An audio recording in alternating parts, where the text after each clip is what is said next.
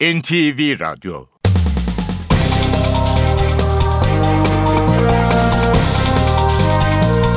İşe Giderken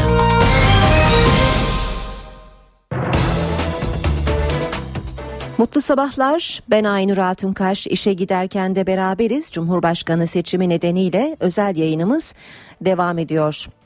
Sayın dinleyenler Başbakan Recep Tayyip Erdoğan oyların %51,8'ini alarak Türkiye'nin 12. Cumhurbaşkanı oldu.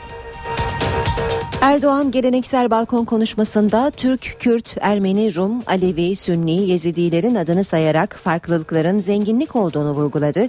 Türkiye'de yeni bir kapı açıldığını, 77 milyonun cumhurbaşkanı olacağını söyledi. Çatı adayı Ekmelettin İhsanoğlu kendisini destekleyen partilerin bir önceki seçimde aldığı toplam oy oranına ulaşamadı. CHP ve MHP liderleri adaylarını ve izledikleri politikayı savundular. Sandığa gitmeyen seçmenlere tepki gösterdiler. Ekmelettin İhsanoğlu %40'a yakın oy aldığına işaret ederek bu sonucu aday olduğunda İhsanoğlu tanınmıyor, siyasetten anlamıyor diyenlere ithaf ettiğini söyledi. Cumhurbaşkanı adayı Selahattin Demirtaş son yerel seçimde partisinin aldığı oy oranını arttırarak %9,8 oy aldı. Özellikle Türkiye'nin batısında oyunu arttıran Demirtaş kampanya döneminde tepki gördüğü Karadeniz illerinde de oy aldı.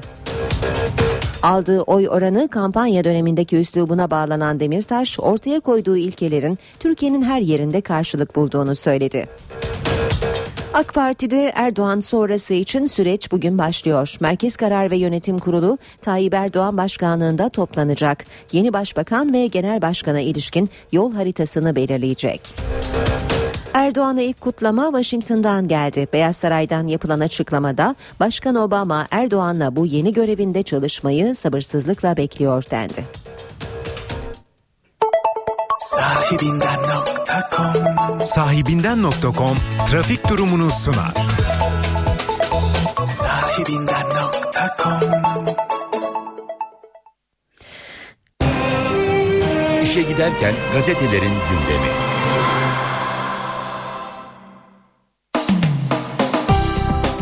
Türkiye 12. Cumhurbaşkanını seçmek için dün sandık başına gitti. Seçimler gazetelerde bakalım nasıl başlıklarla yer bulmuş. Hürriyet gazetesi sürmanşette ilk turda köşk diyor. Erdoğan halkın seçtiği ilk cumhurbaşkanı oldu. Oy oranları şöyle sıralanıyor. Ee, Recep Tayyip Erdoğan %51,96 oy sayısı 20 milyon 519 bin 447. Ekmelettin İhsanoğlu %38,33 oy sayısı 15 milyon 142 bin 941 ve Selahattin Demirtaş %9,71 oy sayısı 3 milyon 833 bin 974 seçilime, katıl, e, seçime katılım %73 e, şeklinde gerçekleşti. Toplam oylardan geçersizlerin sayısı 733 bin 375 oldu. Başbakan Erdoğan ilk turda 12. Cumhurbaşkanı seçilerek 9. seçim zaferini kazandı. Erdoğan Çankaya Köşkü'nde 5 yıl boyunca görev yapacak diyor. Hürriyet gazetesi haberinde seçime katılım oranının da son 12 yılın en düşüğü olduğuna dikkat çekiyor. Hürriyet'in manşeti ise kırgınlıklar eski Türkiye'de kalsın. Balkon konuşmasında 77 milyona böyle seslenen Erdoğan yeni toplumsal uzlaşma sürecini hep birlikte başlatalım dedi. Artık yeni bir döneme ilk adımı atıyoruz. Bugün Çankaya ile millet arasındaki tüm engeller ortadan kalkmıştır. Bize oy vermeyenler, onaylamayanlar, bizi sevmeyenler bu seçimin mağlubu değildir. Bugün onlar da kazanmıştır. Gerilimleri, çatışma kültürünü eski Türkiye'de bırakalım dedi Başbakan. Balkon konuşmasında şöyle devam etti. Siyasi görüşmeler, e, görüşlerimiz, yaşam tarzlarımız, inançlarımız, mezheplerimiz, değerlerimiz, etnik köken ve dillerimiz farklı olabilir ama hepimiz bu ülkenin evladıyız. Artık farklılıklarımızı zenginlik olarak görerek ortak değerlerimizi öne çıkararak geleceği inşa edelim. Tayyip Erdoğan Ankara'daki AK Parti Genel Merkez binasındaki balkon konuşmasına eşi Emine Erdoğan'a el ele çıktı. Erdoğan vatandaşlara artık bırakalım aracıları, fitne ve nifak odaklarını birbirimizin gözüne bakalım, birbirimize gönlümüzü açalım diye seslendi. Erdoğan'ı tebrik ederim. Çatı adayı İhsanoğlu konuştu. Aldığımız yüzde 40 oy tanınmıyor, siyasetten anlamıyor diyenlere ithaf olunur dedi. Bir diğer e, Cumhurbaşkanı adayı Selahattin Demirtaş'ın değerlendirmesine de bakalım. Mesajımız bütün Türkiye'ye ulaştı. Oy oranı %9,71 olan Selahattin Demirtaş yarından itibaren partimizi büyük kitle partisi yapmak için çalışmaya başlayacağız dedi. Milliyet gazetesi e, seçimi ilk turda bitirdi başlığıyla manşette görmüş. Türkiye'nin 12. Cumhurbaşkanı Erdoğan oldu. 3 genel, 3 yerel seçim ve 2 referandum kazanan Erdoğan 9. zaferini halkın oylarıyla Çankaya'ya çıkarak yaşadı. Yine balkon konuşmasından e, bir başlık hakkınızı helal edin. Seçimi kazandığı netleştikten sonra evinden çıkan ve Haliç Kongre Merkezi'ne giden Erdoğan seçim otobüsü üzerinde kendisine tezahürat yapan AK Partililere konuştu. Dualarınızı bekliyorum. Bizde bu can bu tende oldukça inşallah bu yolda milletimize hizmet etmeye devam edeceğiz. Tüm emeği geçen kardeşlerime teşekkür ediyorum. Allah yardımcımız olsun e, dedi Başbakan Erdoğan. Balkon hemen düzeltelim. Balkon konuşmasından önce e, az önce de aktardığımız gibi İstanbul'da yaptı partilere bu konuşmayı. Çatı adaylı oylar düştü diyor Milliyet. 30 Mart'ta toplam oyu %44'e ulaşan CHP ve MHP'nin çatı adayı İhsanoğlu ise beklenen orana ulaşamadı. Ondan fazla partinin desteğine rağmen İhsanoğlu %40'ı aşamadı.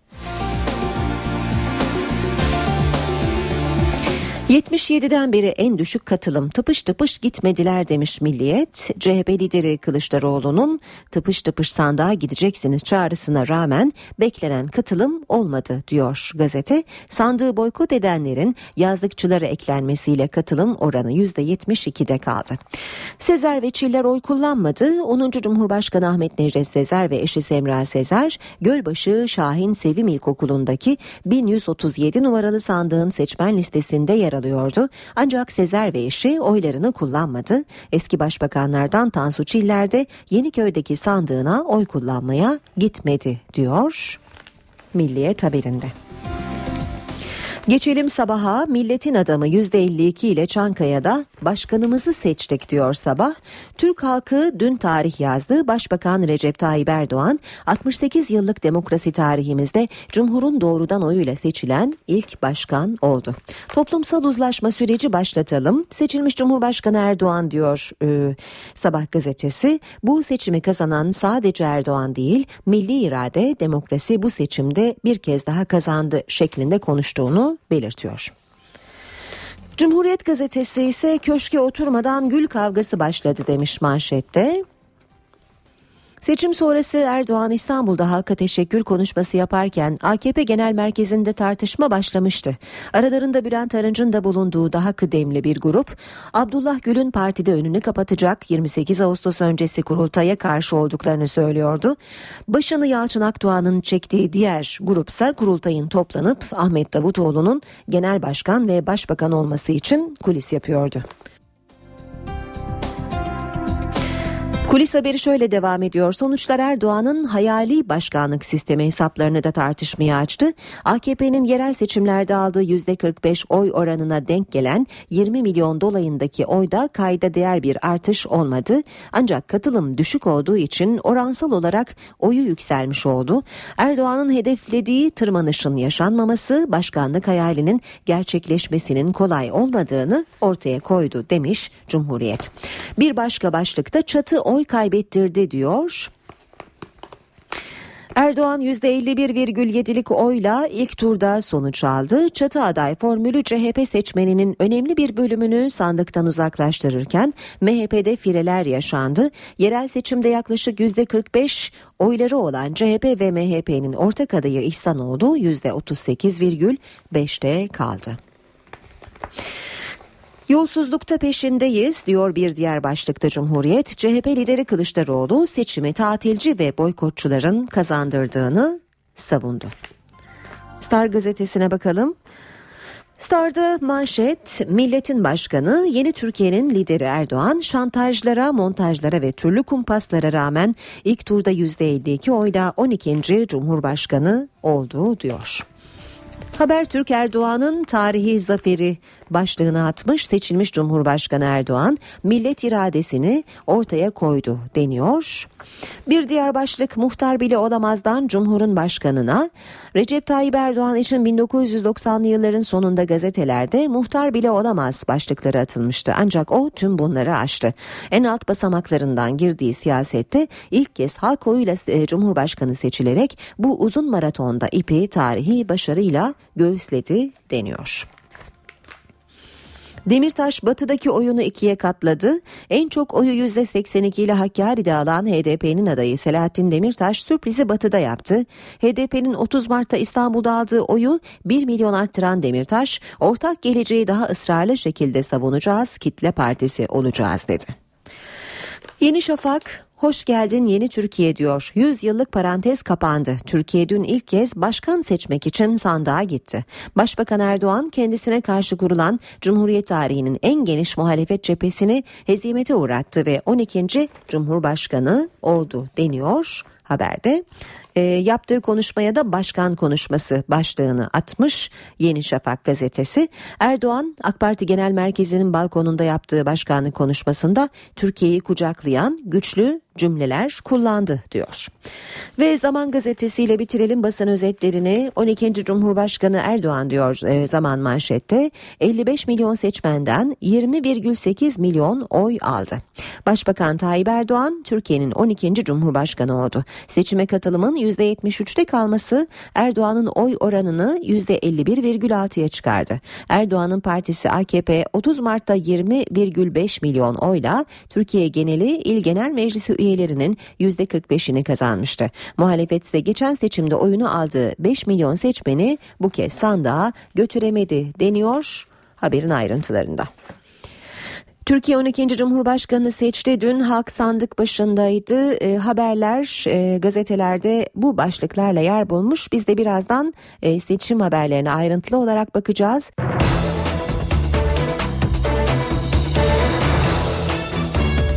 NTV Radyo'da işe giderken seçim özel yayını devam ediyor. Türkiye'de dün sandıklar kuruldu ve Cumhuriyet tarihinde ilk kez halk Cumhurbaşkanını seçti. Bu ilk seçimde sandıktan çıkan rakamların ayrıntılarına bakalım şimdi. Türkiye'nin 12. Cumhurbaşkanı Recep Tayyip Erdoğan oldu. Erdoğan resmi olmayan sonuçlara göre oyların %51,8'ini aldı. Ekmelettin İhsanoğlu %38,5, Selahattin Demirtaş ise %9,8 oy aldı. Türkiye'de ilk kez Cumhurbaşkanı seçmek için sandıklar kuruldu. YSK verilerine göre seçmen sayısı 52 milyon 894 bindi. Ancak yaklaşık 13 milyon kişi oy kullanmadı. Son 12 yılın en düşük katılımlı seçiminde ilk verilere göre seçmenin %76'sı sandık başına gitti. 10. Cumhurbaşkanı Ahmet Necdet Sezer de sandığa gitmeyen isimler arasındaydı. Cumhurbaşkanı seçiminde bir ilk daha yaşandı. Yurt dışında yaşayan 2 milyon 722 bin 981 seçmen için 54 ülkede sandık kuruldu. Ancak sandık başına yalnızca 232 bin kişi gitti. Başbakan Erdoğan yurt dışı oylarının %63'ünü, İhsanoğlu %28'ini, Demirtaş ise 8,5'ini aldı. Recep Tayyip Erdoğan 56 ilde birinci çıktı. Erdoğan'a destek rekoru Bayburt ve Rize'den geldi. Memleketi Rize'de oyların %80,5'ini, Bayburt'ta ise 80,2'sini aldı. En az oyu ise Tunceli'den aldı. Muhalefetin çatı adayı Ekmelettin İhsanoğlu ise 15 ilde en çok oyu aldı. HDP'nin adayı Selahattin Demirtaş ise en çok oyu Doğu ve Güneydoğu Anadolu bölgelerinden aldı. Ve metropol iller. Türkiye'nin 12. Cumhurbaşkanı Erdoğan İstanbul ve Ankara'da, İhsanoğlu ise İzmir'de en çok oyu aldı. Erdoğan İstanbul'un 39 ilçesinin 25'inde rakiplerine üstünlük sağladı. 14 ilçede ise kazanan İhsanoğlu oldu. Erdoğan 30 Mart yerel seçimlerinde partisinin %47 olan oy oranını Cumhurbaşkanı seçiminde 2 puan arttırdı. Oyların 51,3'ünü aldığı Ankara'da 25 ilçeden 22'sinde birinci oldu. CHP'nin kalesi olan ilçeler Çankaya ve Yeni Mahalle ile MHP'nin kalesi Etimeskut'ta İhsanoğlu birinci oldu. AK Parti 30 Mart yerel seçiminde Ankara'da %44 oy almıştı. Bu oran 10 Ağustos'ta %6,5 oranında arttı. Köşk seçiminin bölge bazındaki sonuçlarına göre Erdoğan, Marmara, İç Anadolu, Karadeniz, Doğu Anadolu ve Güneydoğu Anadolu bölgesinde rakiplerine üstünlük sağladı. CHP'nin kıyı şeridindeki üstünlüğü İhsanoğlu'nun oy oranlarına da yansıdı. İhsanoğlu Ege ve Akdeniz bölgelerinde birinci oldu. Türkiye'nin 12. Cumhurbaşkanı seçilen Başbakan Recep Tayyip Erdoğan sonucun netleşmesi üzerine Ankara'ya AK Parti Genel Merkezi'ne gitti ve beklenen balkon konuşmasını yaptı. Erdoğan, Müslüman, Musevi, Hristiyan, Kürt, Ermeni, Rum, Alevi ve Yezidilerin adını sayarak farklılıkların zenginlik olduğunu vurguladı. 77 milyonun Cumhurbaşkanı olacağını söyledi. Erdoğan'ın dikkat çeken bir mesajı da 27 Mayıs 1960 parantezinin artık kapandığı ifadesi oldu. Kardeşlerim, bugün bu seçimi kazanan sadece Recep Tayyip Erdoğan değildir.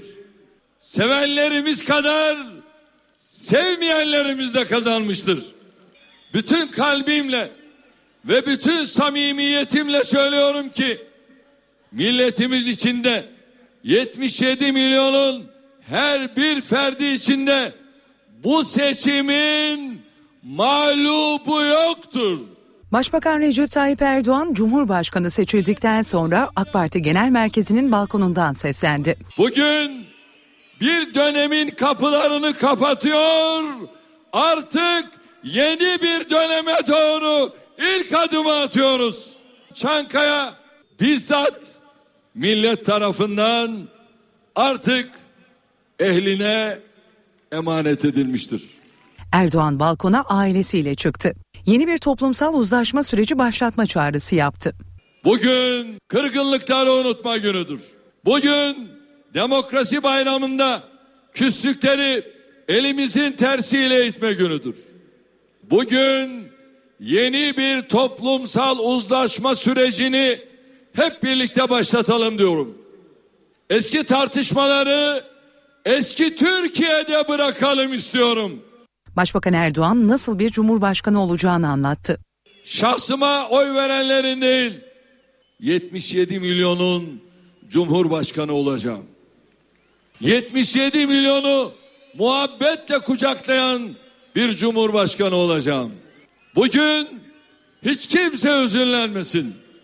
Bugün hiç kimse kaybettiği ya da mağlup olduğu hissine lütfen kapılmasın. Uzlaşma çatıda değil tabanda olmuştur diyen başbakanın yaptığı Türkiye'li vurgusu da dikkat çekti. Siyasi görüşlerimiz farklı olabilir. İnançlarımız, mezheplerimiz farklı olabilir. Ama biz her birimiz bu devletin sahipleriz. Ezidi'den önce Türkiye'li vardır. Alevi'den, Sünni'den önce Türkiye'li vardır. Ermeni'den önce Türkiye'li vardır. Erdoğan 12 yıllık başbakanlığı döneminde yaptığı 5. balkon konuşmasında paralel olarak nitelediği yapıyla mücadelede kararlılık mesajı da verdi. Ulusal güvenliğimizi kim tehdit ederse karşısında bizi bulacaktır. Bunu da bilmenizi istiyorum. Bize bedduanın ve beddua edenlerin arkasından gitmek yakışmaz. Peki şimdi ne olacak? Başbakan Tayyip Erdoğan'ın Cumhurbaşkanı seçilmesiyle AK Parti'de yeni bir süreç başladı. Parti yönetimi bugün Tayyip Erdoğan başkanlığında toplanacak. Yeni başbakan ve genel başkanın kim olacağına ilişkin süreci belirleyecek. AK Parti sözcüsü Hüseyin Çelik ve genel başkan yardımcısı Numan Kurtulmuş sürece ilişkin açıklamalar yaptılar. Artık Başbakanımız, Genel Başkanımız Sayın Recep Tayyip Erdoğan'a Türkiye'nin 12. Cumhurbaşkanı diyebiliriz. Başbakan Tayyip Erdoğan Cumhurbaşkanlığı seçimini kazandı. AK Parti'de de yeni bir dönem başlıyor. Tayyip Erdoğan hem genel başkanlığı hem de başbakanlığı bırakacak. Bundan sonra kim başbakan olacak, genel başkan olacak, yeni bir hükümet nasıl olacak soruları tabii kamuoyu haklı olarak soruyor.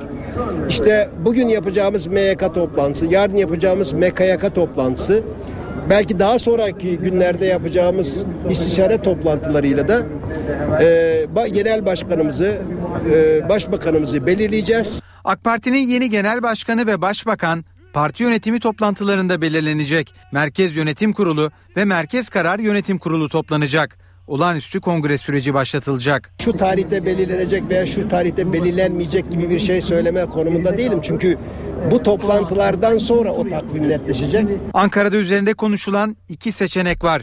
Birincisi devir teslim tarihi olan 28 Ağustos'tan önce AK Parti kongresinin toplanması ve o kongrede genel başkan seçilecek kişiye Erdoğan'ın hükümeti kurma görevini vermesi. Belli eğer 45 gün içerisinde e, bir tüzüğün emrettiği bir durum var.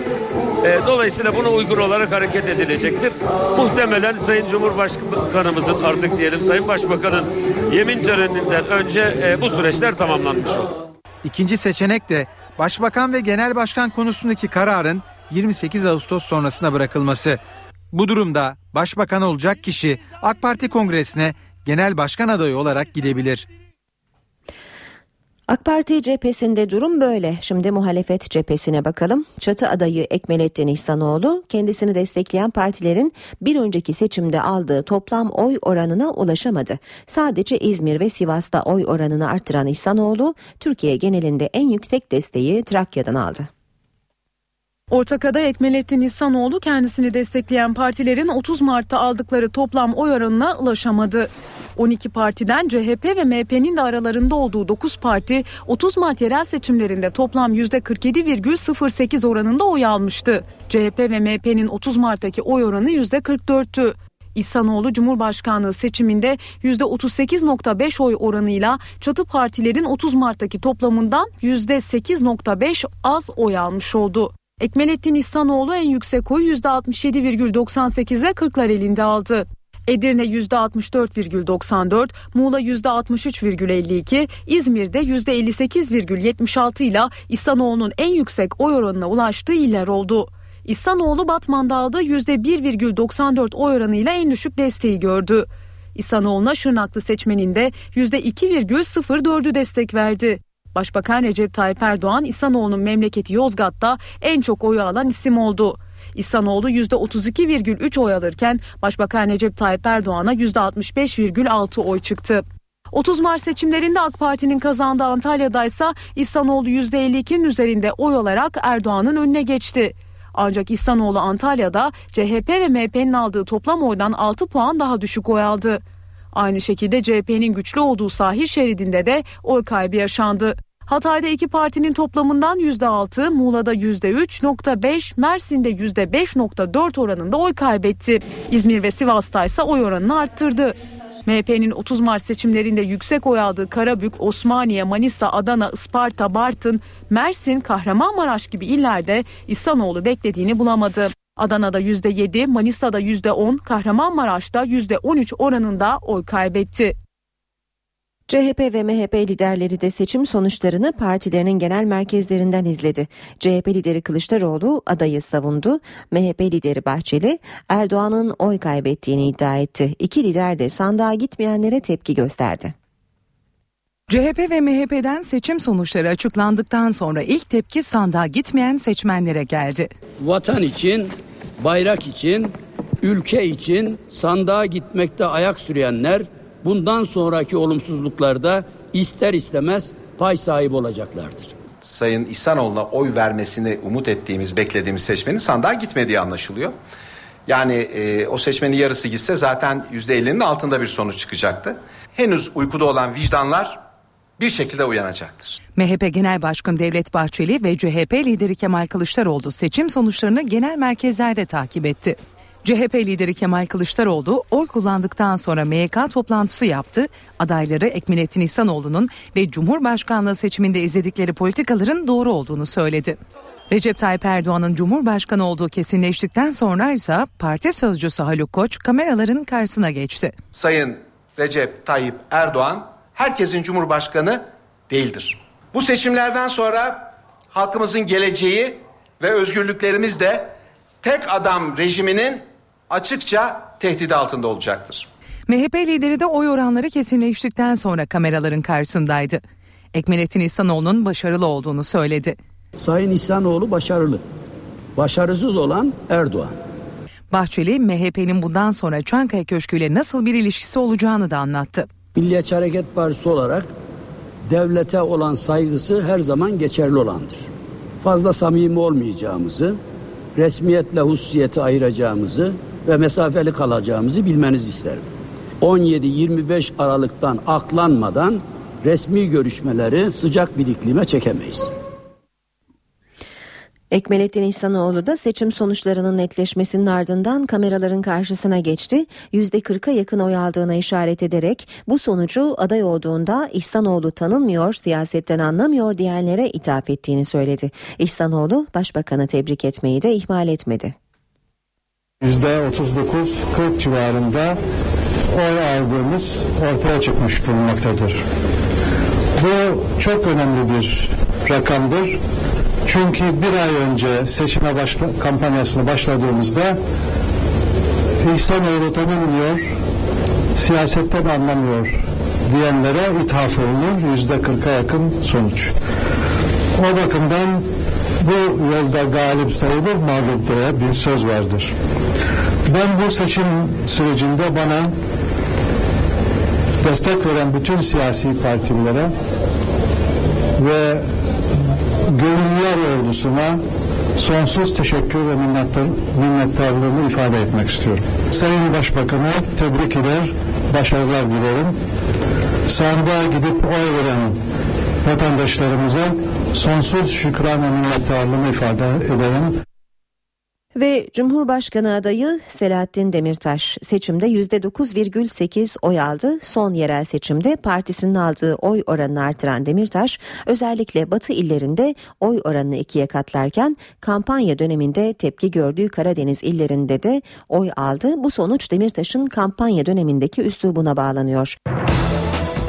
NTV Radyo'da işe giderken Cumhurbaşkanlığı seçimi özel yayınıyla beraberiz. Cumhurbaşkanı adaylarından Selahattin e, Demirtaş'la ilgili ayrıntılı bir haberimiz var demiştik. Demirtaş seçimde %9,8 oy aldı. Son yerel seçimde partisinin oy oranını artıran Demirtaş özellikle batı illerinde oy oranını ikiye katladı. Kampanya döneminde tepki gördüğü Karadeniz illerinde de oy aldı.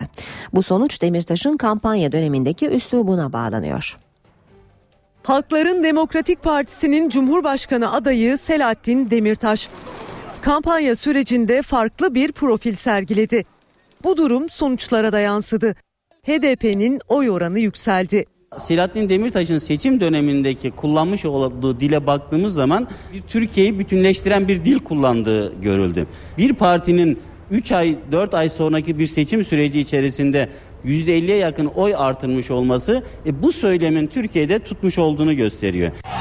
30 Mart yerel seçimlerinde HDP'nin aday dahi göstermediği illerde Selahattin Demirtaş'a oy çıktı.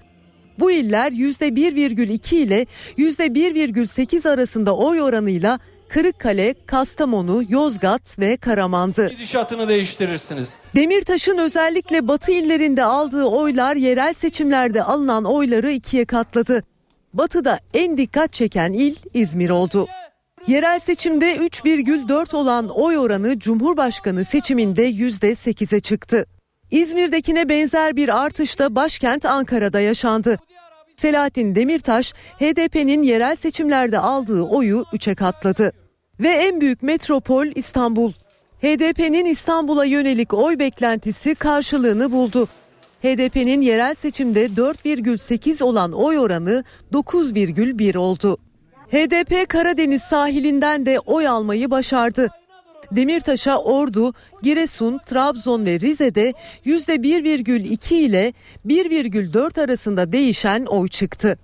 Bence bundan sonra da e, HDP'nin politikasının belirlemesinde bu seçim sonuçları e, yol haritası oluşturmada önemli bir e, misyon olarak önlerine çıkacaktır diye düşünüyorum.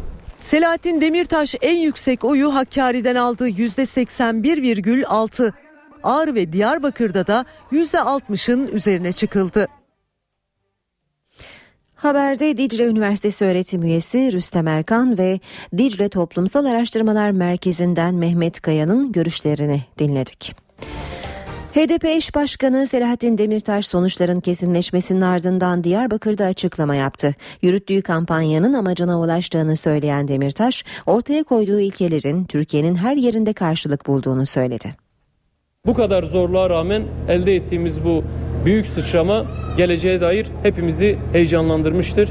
Elde ettiğimiz sonuç oran itibariyle de hemen hemen hedeflerimize yaklaşmış bir orandır. HDP'nin Cumhurbaşkanı adayı Selahattin Demirtaş seçim sonrası ilk değerlendirmesini Diyarbakır'da yaptı. Çağrımız Türkiye'nin her yerinde karşılık buldu dedi. Ortaya koyduğumuz temel ilkeler Türkiye'nin her yerinde bir karşılık bulmuştur. Vermek istediğimiz mesaj Türkiye'nin her yerine ulaşmıştır ve bu açıdan bizim Cumhurbaşkanlığı seçim kampanyamız çok önemli ölçüde hedefine ulaşmış, önemli bir çıkış, önemli bir başarı yakalamıştır. Demirtaş bu sonucun sonraki seçimler için kendilerini daha da umutlandırdığını söyledi. Eminim ki bize oy vermeyi arzulayan nice milyonlar bu seçimde olmasa da bir sonraki seçimde artık oy vermeyi kararlaştırmıştır. Çünkü bu yürüyüş Cumhurbaşkanlığı seçimiyle birlikte artık bir sıçramaya dönüşmüş durumda.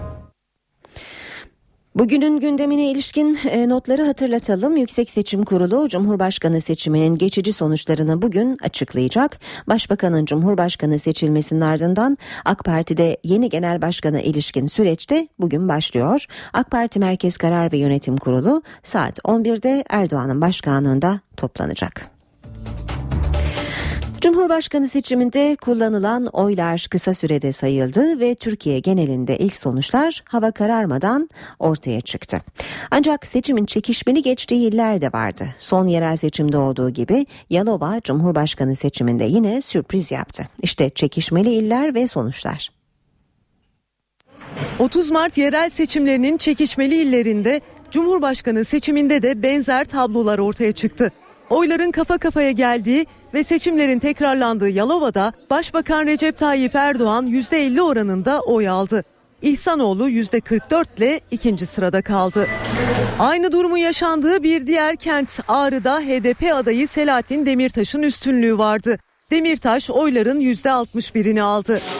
Maden faciasının yaşandığı Manisa'nın Soma ilçesindeki tabloda merakla izlendi. İhsanoğlu Somalı seçmenin %50'sinden oy aldı. Erdoğan'ın oyuysa %47 oldu. 30 Mart seçiminin çekişmeli bir diğer ili Antalya. Küçük bir farkla AK Parti'nin kazandığı Antalya'da bu kez İhsanoğlu birinci sırada yer aldı. İhsanoğlu'nun Antalya'daki oy oranı %53, Erdoğan'ın oyuysa %41. İhsanoğlu Manisa ve Denizli'de küçük bir oy farkıyla birinci sırada. Van'ın galibi de Demirtaş. Zonguldak'ta ise Erdoğan ilk sırada. Cumhurbaşkanı seçiminden haberlere devam edelim. Türkiye genelinde katılım düşüktü ancak sandığa giden seçmenler arasında dikkat çeken profiller, sandıktan çıkan oylarda da renkli mesajlar vardı. Erbakan'dan Aziz Yıldırım'a, Zeki Müren'den Yıldız Dilbe'ye ünlü isimlere oy çıktı. Siirt'te yaşayan Mehmet Esen nüfus kayıtlarına göre tam 130 yaşında. Torunlarının yardımıyla sandık başına gitti, kardeşlik mesajı verdi. Evru ilçesine bağlı Gedikaşar köyünde yaşayan Esen nüfus kayıtlarında 24 Mayıs 1884 doğumlu. Altı çocukla onlarca torun ve torunlarının torunlarını gören Mehmet Esen ilerlemiş yaşına rağmen sandık başına gitti. Türktür, Kürt'ü de, Arap'ı da zaten kardeşiz burada diyor. Ve işte bu silah sustuğundan beri güzel bir barış olmuş. Sivas, Malatya ve Tokat'ta da 100 yaş ve üzeri seçmenler oy kullandı. Asırlık çınarlar imza atamadıkları için parmak basarak oy kullanma işlemini tamamladı. Sandık başlarında yeni evlenecek çiftler de vardı. Nikahtan önce sandık başındaydılar. Sivas'ta gelin Ayşe Çıldıran adet gereği yüzünü ilk eşi göreceği ve yüz görümlüğü alacağı için kırmızı duvağını açmadan oy kullandı. Antalya'da da hastalık oy kullanmaya engel olmadı. Kanser tedavisi nedeniyle ameliyat olan 62 yaşındaki Murat Kamil Atmaca sandık başına göğsündeki hortumla gitti. Kırklareli'de de diyaliz hastası bir kadın oyunu kullanacağı okula tekerlekli sandalyeyle otomobil bagajında getirildi. Şanlıurfa'da oy zarfının içinde tercih mührü basılmış merhum başbakanlardan Necmettin Erbakan'ın fotoğrafı çıktı. Denizli'de de oy sayımı sırasında bir seçmenin zarfından Fenerbahçe Kulübü Başkanı Aziz Yıldırım'ın fotoğrafı çıktı. Bilecik'te Zeki Müren, Balıkesir'de Sibel Can, Nevşehir'de de Yıldız Tilbe'nin fotoğrafları sandıktan çıktı. Oy pusulaları geçersiz sayıldı. Cumhurbaşkanı ilk kez halk tarafından seçilirken yurt dışında yaşayan vatandaşlar da ilk kez oy kullandı. Yurt dışından Ankara'ya getirilen bu oylar bir depoda tutuldu ve sandıklar kapandıktan sonra sayılmaya başlandı. Olağanüstü güvenlik önlemleri alındı. Resmi olmayan sonuçlara göre yurt dışından gelen oyların %62'sini Tayyip Erdoğan, %29'unu İhsanoğlu, %8,35'ini Demirtaş aldı. Cumhurbaşkanı seçiminden notları, sonuca ilişkin analizleri aktardık. Şimdi 12. Cumhurbaşkanı Tayyip Erdoğan'ın portresini hatırlayalım. 21 yaşında siyasete giren Erdoğan'ı Türkiye, 40 yaşında İstanbul'a belediye başkanı olmasıyla tanıdı. İşte son 12 yılda üst üste başbakan seçilen Erdoğan'ın siyasi hayatı. Milletimiz malum 5 Temmuz'da çıktığımız yolculukta bugün sandıklarda iradesini ortaya koydu. İstanbul'a belediye başkanı oldu. Hüküm giydi, görevden alındı, hapse girdi, yasaklandı, parti kurdu, 12 yıl başbakanlık yaptı. Pek çok sözü gündem yarattı. Sevenleri kadar sert muhalifleri de oldu. Well, you know, one minute. Olmaz. One minute. Okay. One minute. Türkiye Recep Tayyip Erdoğan'ı 1994'te 40 yaşında İstanbul'a Büyükşehir Belediye Başkanı olmasıyla tanıdı. 1997'de Siirt'te yaptığı bu konuşma kendisini önce hapse sonra zirveye taşıdı. Minareler süngü. Kubbeler miğfer. Erdoğan halkı din ve düşmanlığa tahrik suçundan 10 ay hapis cezasına mahkum oldu. Türkiye'de birçok insanların siyasi gelecekleri geçmişte biliyorsunuz bitirildi. Ama daha sonra o insanlar bu ülkede görüyorsunuz geldiler Cumhurbaşkanı da oldular. Bu bakımdan e, kimsenin siyasi geleceğini kimsenin bitirmeye gücü yetmez. Bu şarkı, bu hizmet şarkısı burada bitmeyecek. Erdoğan 1999'da 4 ay Pınarhisar cezaevinde kaldı. 2001'de muhafazakar demokrat olarak tanımladığı AK Parti ile seçmenin karşısına çıktı. Ve bir yıl sonra AK Parti 3 Kasım 2002 seçimlerinde %34 oyla iktidar oldu. Ancak siyasi yasağı bulunan Erdoğan meclise giremedi.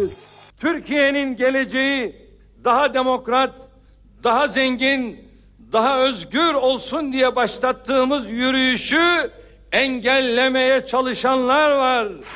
2003'te CHP'nin de desteğiyle Erdoğan'ın yasağı kaldırıldı.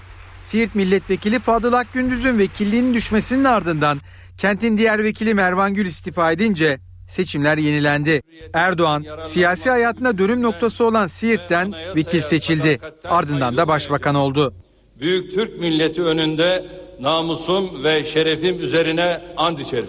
Erdoğan sonraki iki genel seçimde partisinin oy oranlarını arttırdı. 2007'de %46, 2011'de %49 oy aldı. AK Parti 3 dönem tek başına iktidar oldu. Erdoğan 12 yıl boyunca başbakanlık yaptı. Tercihlerinize saygı duyuyoruz.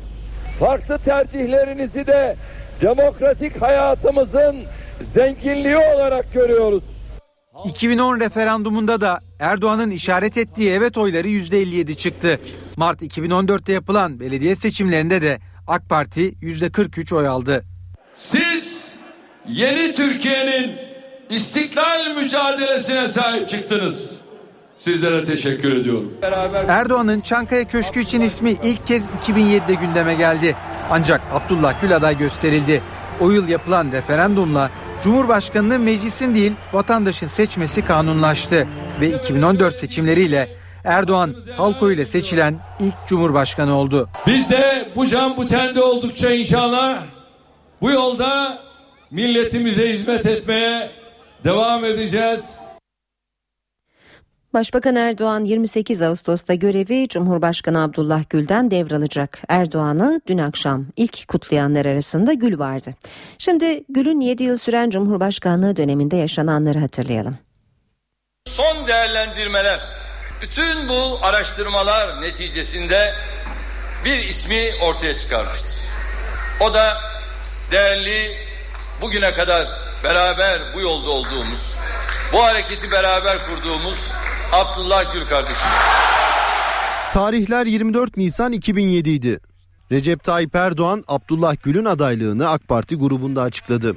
Ama seçimin ilk turu sancılı oldu. E-Muhtıra ve 367 krizinin ardından Anayasa Mahkemesi birinci tur oylamayı iptal etti. Erken seçim kararı alındı.